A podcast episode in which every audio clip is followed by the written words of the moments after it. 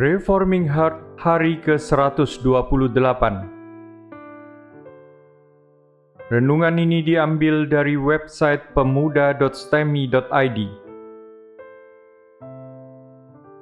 Tema renungan hari ini adalah Yoas, Raja Yehuda.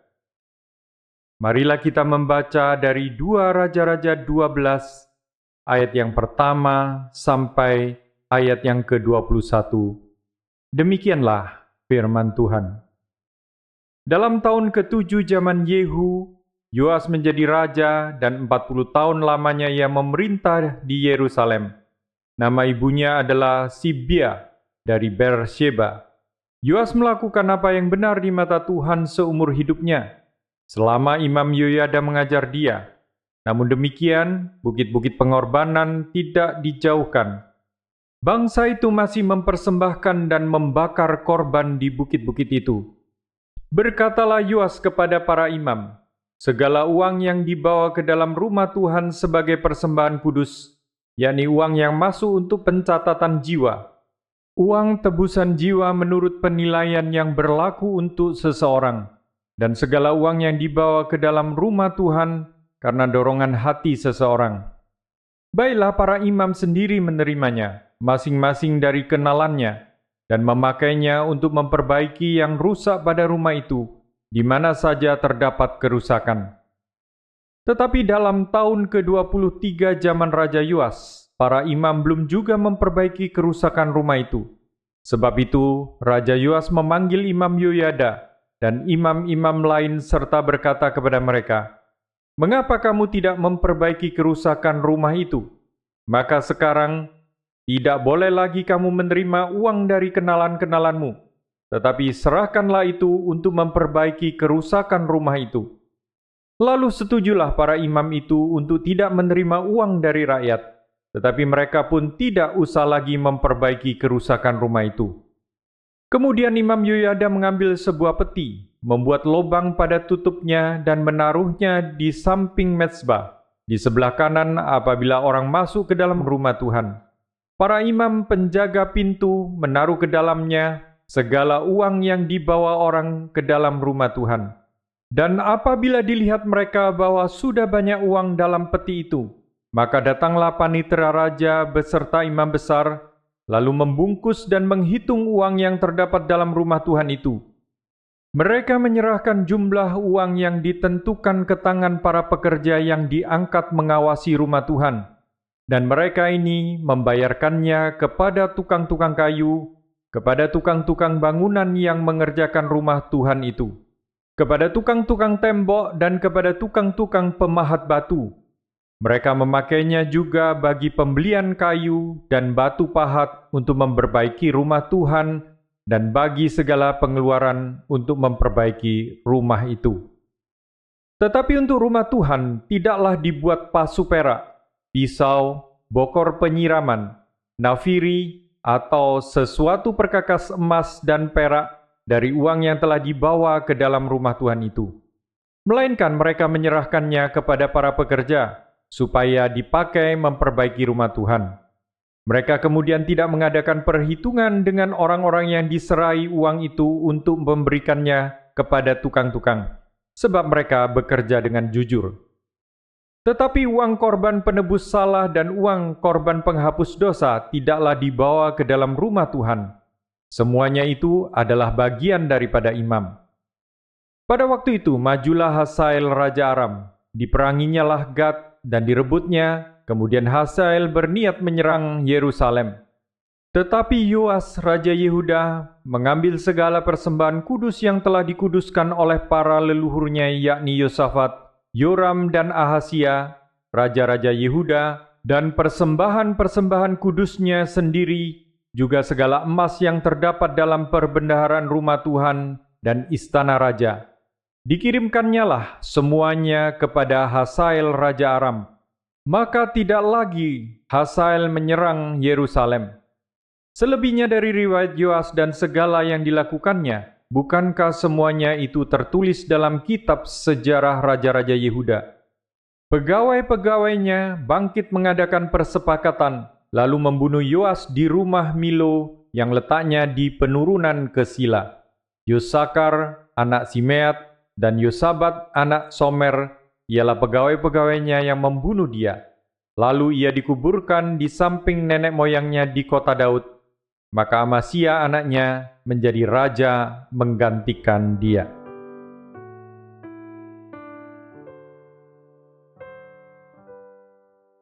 Penjelasan Yoas adalah raja yang sangat mudah dipengaruhi. Selama ada pengaruh baik dari imam yang setia kepada Tuhan, yaitu Imam Yoyada, dia menjadi raja yang juga setia kepada Tuhan. Dia bahkan mempunyai kerinduan yang besar untuk memperbaiki rumah Tuhan. Kegigihannya ialah kegigihan akibat pengaruh dari Yoyada. Betapa besar pengaruh dari pengertian akan kebenaran digabungkan dengan semangat memperjuangkan kebenaran itu. Kegigihan Yoyada untuk berjuang demi nama Tuhan mempunyai pengaruh besar sehingga Yoas setia kepada Tuhan seumur hidup Yoyada. Kegigihan yang sayangnya hanya mempengaruhi Yoas dalam semangat, kegigihan, dan kegiatan yang luar biasa, tetapi tidak mempengaruhi dia secara iman. Yoas tidak pernah sungguh-sungguh memelihara iman yang sejati. Di dalam 2 Tawarikh 24 ayat 22 mengatakan bahwa Yoas bertanggung jawab untuk kematian anak Imam Yoyada yaitu Saharia. Dan Tuhan membangkitkan untuk memberikan peringatan kepada Yoas karena Yoas telah meninggalkan Tuhan setelah kematian Yoyada. Perubahan Yoas ternyata berasal dari para petinggi Yehuda. Di dalam 2 Tawarikh 24 ayat 17 dan 18 Demikianlah firman Tuhan. Sesudah Yoyada mati, pemimpin-pemimpin Yehuda datang menyembah kepada raja. Sejak itu, raja mendengarkan mereka. Mereka meninggalkan rumah Tuhan, Allah nenek moyang mereka, lalu beribadah kepada tiang-tiang berhala dan patung-patung berhala. Oleh karena kesalahan itu, Yehuda dan Yerusalem tertimpa murka. Ini memberikan bukti bahwa penyimpangan yang dilakukan pada zaman Ahasia dan pengaruh daripada Atalia memberikan bekas yang sangat sulit untuk dihapuskan. Sangat sulit membelokkan kembali mental penyembahan berhala yang dimiliki oleh Israel dan Yehuda sekali mereka sudah tercemar. Teks-teks bacaan dalam kitab-kitab sejarah menunjukkan hal itu. Di saat kita merasa Tuhan sudah bekerja membersihkan semuanya itu, ternyata masih ada sisa-sisa kejahatan yang Tuhan izinkan. Inilah yang menjadi jerat bagi kerajaan Yuas dan bagi sang raja sendiri. Raja muda yang sejak kanak-kanak sudah memerintah itu telah kehilangan Yoyada.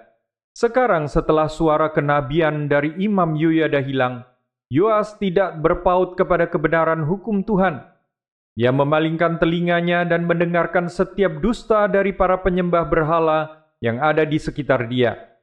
Ternyata reformasi yang dilakukan oleh Yoyada belum tuntas. Masih banyak pekerjaan yang belum sempat dilakukan. Misalnya, pembacaan kembali Taurat dan kembali melakukan perayaan-perayaan agama dan mengembalikan identitas seluruh bangsa sebagai umat Tuhan. Ini semua belum sempat dilakukan Yoyada. Yoyada hanya sempat membersihkan para penyembah berhala. Dia meruntuhkan, tetapi tidak sempat membangun kembali. Yoas membangun rumah Allah secara fisik, tapi tidak membangun seluruh bangsa di dalam ketaatan, komitmen, dan kesetiaan melakukan seluruh firman Tuhan. Yehuda hanya mengikat perjanjian untuk menghancurkan segala berhala tetapi mereka tidak diarahkan untuk melakukan penyembahan sesuai yang Tuhan perintahkan. Mereka masih memiliki lubang di dalam ketaatan mereka, karena mereka tetap menjalankan ibadah mereka sesuai kebiasaan lama, bukan sesuai cara Tuhan. Di dalam dua Raja-Raja 12 ayat 3, demikian firman Tuhan. Namun demikian, bukit-bukit pengorbanan tidaklah dijauhkan, Bangsa itu masih mempersembahkan dan membakar korban di bukit-bukit itu. Kesalahan yang sepertinya kecil itu ternyata berefek besar karena tidak ada ketaatan kepada Tuhan di setiap aspek. Maka aspek penyembahan kepada Tuhan lagi-lagi menjadi menyeleweng. Celah yang dibiarkan ini akhirnya menjadi merusakkan. Sekarang para tua-tua mempengaruhi Yoas dan dia meninggalkan Tuhan. Setiap kali seorang raja meninggalkan Tuhan, akibat yang terjadi pasti mempengaruhi seluruh bangsanya. Pelanggaran seorang raja tidak hanya akan merusakkan dirinya dan keluarganya, melainkan seluruh kerajaannya. Tuhan menghukum Yehuda dan Yerusalem dan mengirimkan Hasael, Raja Aram untuk memerangi mereka. Di dalam dua Tawarikh 24 ayat 23 dikatakan bahwa Raja Aram hanya datang dengan sedikit orang saja, tetapi mereka sukses menaklukkan Yoas. Maka Yoas terpaksa mengumpulkan segala kekayaan dari istananya dan dari rumah Tuhan untuk membayar upeti kepada Raja Aram. Di dalam dua Raja-Raja 12 ayat 18. Dia juga mengalami kekalahan dan terluka oleh karena serangan orang Aram itu. Dua Tawarikh 24 ayat 25. Pada akhirnya dia harus membayar harga karena membunuh anak Imam Yoyada. Raja Yoas dibunuh oleh pegawai-pegawainya sendiri setelah 40 tahun bertahta di Yerusalem. Untuk direnungkan. Ada perbedaan yang besar antara tindakan pertobatan dengan pertobatan sejati. Seseorang dapat melakukan tindakan pertobatan, tetapi belum sungguh-sungguh bertobat. Ini terjadi pada Yuas.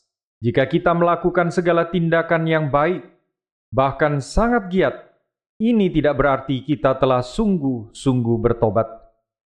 Yuas melakukan segala tindakan ini karena pengaruh dari orang-orang yang sangat dia kagumi, yaitu Yoyada. Tetapi dia tidak mewarisi iman dari Yoyada. Mewarisi tindakan, tetapi tidak mewarisi iman. Ini sayang sekali. Paulus di dalam suratnya kepada Timotius mengatakan bahwa Timotius mewarisi iman yang ada pada neneknya dan ibunya. Di dalam 2 Timotius 1 ayat 5, demikian firman Tuhan. Sebab aku teringat akan imanmu yang tulus ikhlas, yaitu iman yang pertama-tama hidup di dalam nenekmu Lois dan di dalam ibumu Eunike yang aku yakin hidup juga di dalam dirimu. Setelah mengatakan bahwa Timotius telah sungguh-sungguh mewarisi iman, Paulus memerintahkan dia untuk terus memperjuangkan pekerjaan Allah dengan mengobarkan karunia yang ada padanya. Iman sejati yang menggerakkan semangat pelayanan sejati, inilah kehidupan pelayanan yang sejati. Yoyada memiliki iman yang sejati, yang menggerakkan dia untuk bertindak dengan resiko kehilangan nyawanya sendiri. Yoyada juga dengan iman yang sejati mendudukkan Yoas di tahta kerajaan dan mendukung dia sambil memberikan bimbingan untuk hal-hal rohani. Tetapi Yoas hanya mengadopsi segala kegigihan tindakan Yoyada karena Alkitab mencatat dia bersemangat memperbaiki rumah Tuhan. Bersemangat melakukan sesuatu untuk Tuhan ternyata tidak berarti orang tersebut telah beriman. Orang yang sungguh-sungguh beriman tidak mungkin tidak rindu melakukan banyak hal bagi Tuhan tetapi orang yang tidak beriman pun dapat terlihat sedang melakukan banyak hal dengan giat bagi Tuhan. Terlihat demikian, tetapi hatinya tidak berpaut pada Tuhan. Lalu bagaimana dengan kita sendiri? Di dalam gerakan reform Injili kita dipercayakan melakukan begitu banyak pekerjaan bagi nama Tuhan.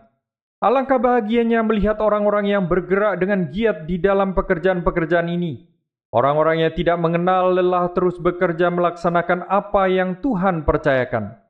Tetapi yang menakutkan adalah kalau ternyata tidak semua melakukan dengan iman yang sungguh-sungguh dari Tuhan. Mungkin kita hanyalah Raja Yoas yang bersemangat melakukan sesuatu karena terdorong semangat orang lain. Semangat orang lain dan bukan iman orang lain. Iman yang seharusnya diadopsi pula oleh kita semua Mungkin semangat memperbaiki rumah Tuhan dan melaksanakan pekerjaan bagi pelayanan untuk rumah Tuhan telah menjadi budaya yang harus diikuti. Malu kalau kita tidak punya semangat juang yang tinggi.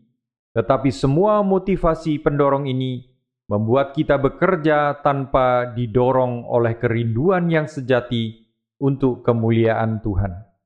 Kita tidak pernah mengenal Tuhan dengan sungguh-sungguh. Kita tidak pernah tahu apa yang kita kerjakan itu diperkenan oleh Tuhan atau tidak. Yang penting, segala aktivitas kita telah begitu banyak dan begitu baik, dan secara etos kerja kita benar-benar unggul karena semangat yang tinggi. Tetapi apakah keadaan iman kita yang haus dan rindu akan Tuhan yang mendorong semuanya itu? Jika tidak, biarlah kita bertobat. Beriman kepada Tuhan hingga kita mendedikasikan segenap hati untuk Dia. Barulah dorongan sejati untuk menyenangkan Dia itu muncul. Jika motivasi kita melakukan semua hanya untuk menyenangkan hati Tuhan, maka kita sedang bekerja didorong oleh iman yang sejati. Pertanyaan renungan yang pertama: mengapa kita giat melayani Tuhan? Apakah karena teladan dari orang lain, atau karena budaya di lingkungan gereja kita memang seperti itu? Yang kedua, bayangkanlah jika keadaan berbeda jika gereja kita lesu dan tidak ada gerakan apa-apa, dan tidak ada orang yang menyemangati kita dengan teladannya untuk bergiat bagi Tuhan, masihkah kita giat bagi Tuhan? Dan yang ketiga, apakah kita telah digerakkan oleh iman yang sejati, sehingga motivasi hanya menyenangkan Tuhan menjadi satu-satunya motivasi bagi kita?